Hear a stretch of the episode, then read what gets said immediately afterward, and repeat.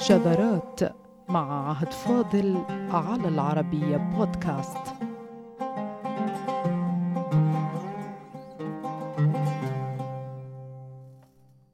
هي واحدة من أغرب قصص التصنيف في اللغة العربية. قصة نادرة وليس من السهل أن تتكرر. ملك يترجم ويجمع شعر أحد الوزراء وأمير يترجم لشاتم أجداده ويسامحه من منطلق العفو ومن منطلق الترفع.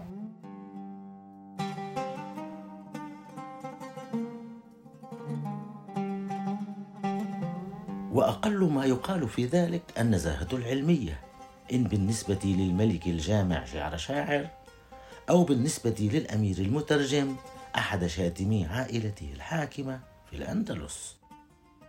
ولولا أن قام المقري التلمساني وتلفظ تلمساني صاحب نفح الطيب من غصن الأندلس الرطيب بالاقتباس من كتاب الملك لما وصل إلينا شيء مما ذكره لأن مخطوطه المقصود في عداد المفقود.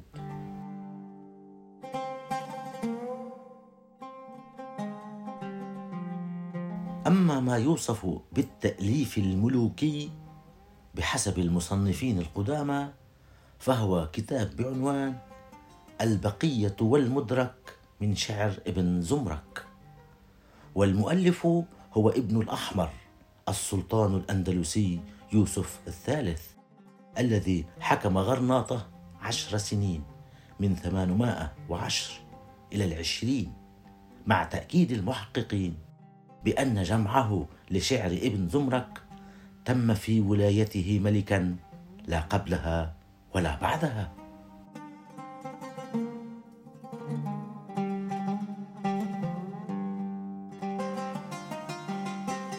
ومن التأليف الملوكي النادر أصلا إلى المؤلف عنه وهو ابن زمرك الشاعر والوزير في قصور آل الأحمر في الأندلس.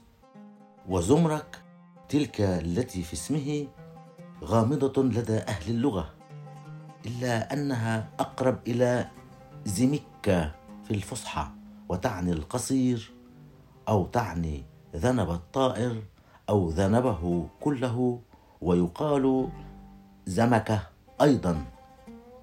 والدليل أن ابن زمرك يوصف بالرجل الضئيل مختصر الجرم. كناية عن قصره وصغره في الحجم وقد يكون هذا اللقب قد أطلق عليه من أعدائه وحساده فلزمه فقد مات مقتولا بين عياله وأهله وقتل معه ولداه ومن كان في خدمته في ذلك الوقت.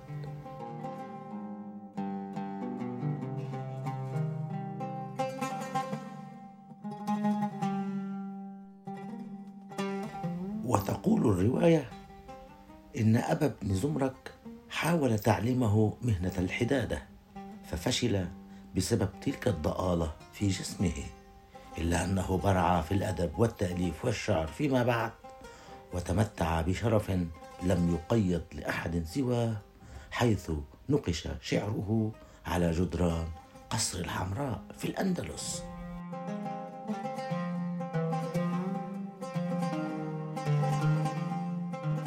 ومن ملك جمع شعر أحد وزراء أسلافه الملوك إلى أمير قام بمهمة تبدو الأصعب في تلك القصة. فقد قام قريب لهذا الملك هو الأمير إسماعيل الأحمر وهو من عائلة ملوك الأندلس التي منها يوسف الثالث. بتأليف كتاب يدعى نثير الجمان في نظم فحول الزمان. وترجم فيه لكاتب قد قام بهجاء عائلته الملكية هو المشهور بلسان الدين ابن الخطيب صاحب الإحاطة في تاريخ غرناطة وهو أحد أشهر مصنفي الأندلس. وعلى الرغم مما فعله ابن الخطيب من هجاء لأحد ملوك عائلته يقول الأمير الأحمر عنه في ترجمته شاعر الدنيا وكاتب الأرض إلى يوم العرض. إلى آخر عبارات التقدير والتبجيل التي لا مثيل لها ثم يوضح ما فعله هذا الممدوح ويقول لكن صل لسانه في الهجاء لسع حتى صدمني وعلى القول فيه أقدمني بسبب هجوه في ابن عمي ملك الصقع الأندلسي سلطان ذلك الوطن المعظم بين الملوك.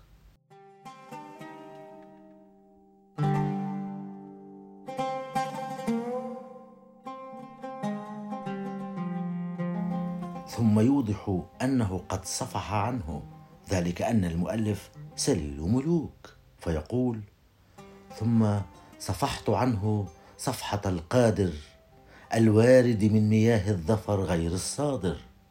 لأن مثلي يقول الأمير لأن مثلي لا يليق به إظهار العورات.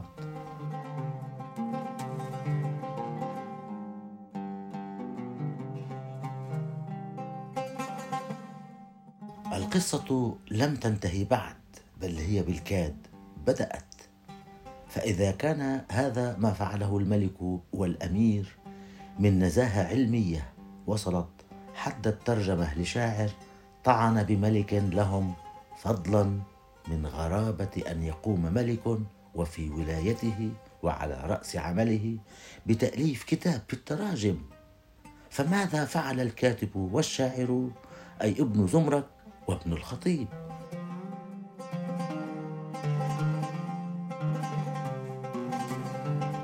ابن زمرك كان انقلب على أستاذه ابن الخطيب ووشى به.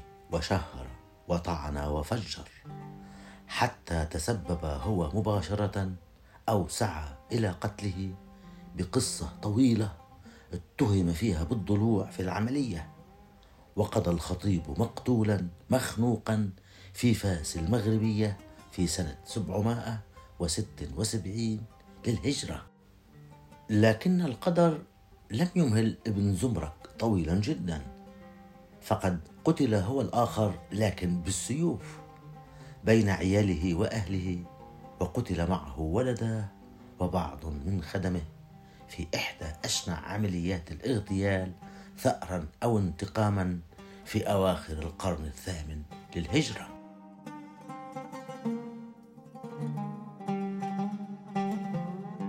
نحن والحالة هذه أمام قصة أبطالها ملك على رأس عمله ويؤلف كتابا يجمع فيه شعر أحد عمال أسلافه الملوك. وأمير لم يقيد له سوى وراثة الإمارة إلا أنه ترجم لشاتم عائلته الملكية في نزاهة علمية نادرة. وكاتب قتله لسانه وشاعر فتك به الغرور والتعالي والانقلاب على أقرب الناس إليه. فقضى بالسيوف مقتولا.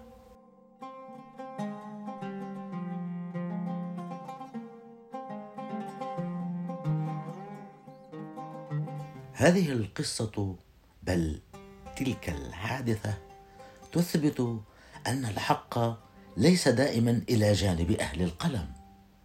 فأهل القلم ليسوا ملائكة وقد يخطئون ويتورطون بأعمال عنف أو فساد يتهم فيها عادة أهل السياسة والحكم والمناصب كما رأينا من الاتهام الرسمي الذي يوجهه المحققون العرب والمستشرقون لابن زمرك بالتورط بقتل ابن الخطيب.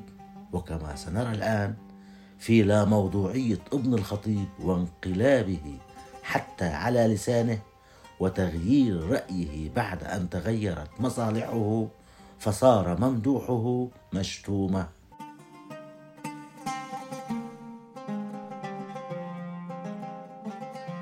انقلب ابن الخطيب بالكامل على ابن زمرك.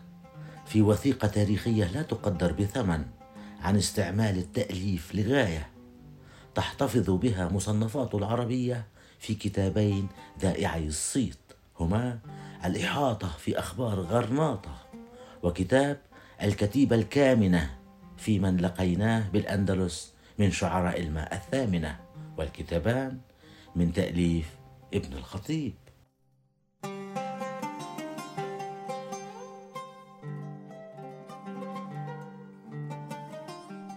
وبمقارنة لا تتطلب إلا أدنى حد من التبصر تظهر نتيجة النزال النادر الذي فاز فيه الملك والأمير على الشاعر الموهوب والكاتب الكبير.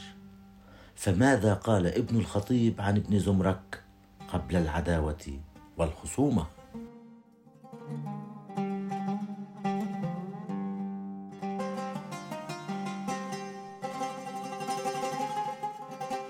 قال ابن الخطيب في أخبار غرناطة مترجما لابن زمرك.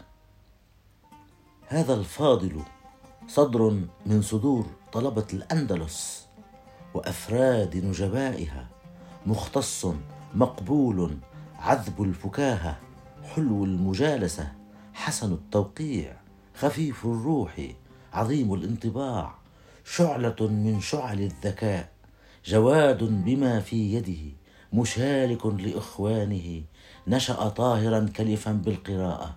ثاقب الذهن أصيل الحفظ ظاهر النبل فاشتهر فضله وفشى خبره. إلى ما لا يحصى من عبارات مديح وتبجيل وتعظيم قلما نالها أديب في التاريخ.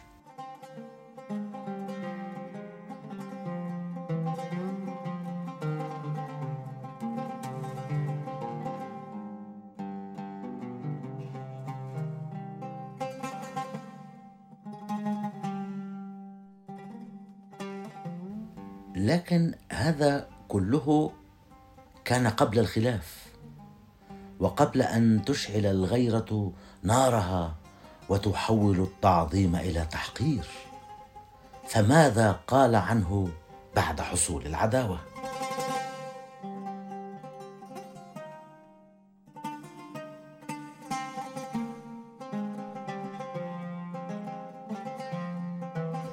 بعد العداوة يعاود ابن الخطيب ترجمة ابن زمرك لكن في كتابه الكتيبة الكامنة.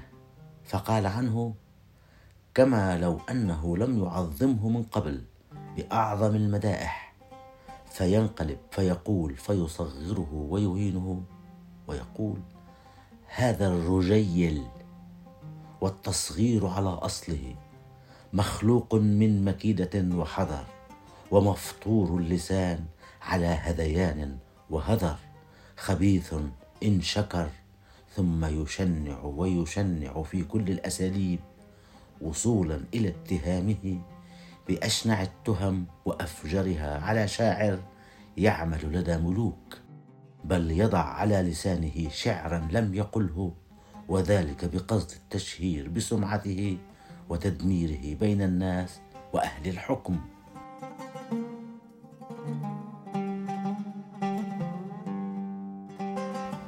أما الملك فقد انفرد بالتأليف وهو على رأس عمله. وأما الأمير فقد صفح عن من أهان أهله الملوك. وأما الكاتب فقد انقلب على نفسه شر انقلاب وقال الشيء ونقيضه لمصلحة وغاية. وأما الشاعر فقد حمل ما كان محسوبا على أهل الحكم فتورط وخطط وجمع وبدد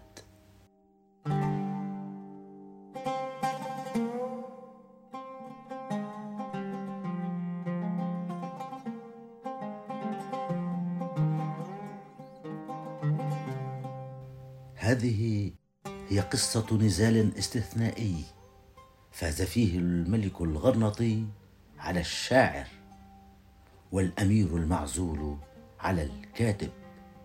لكن في آخر الأمر انتصر التأليف والتصنيف بالعربية وما زال مع فناء الأجساد خلد في حروف المداد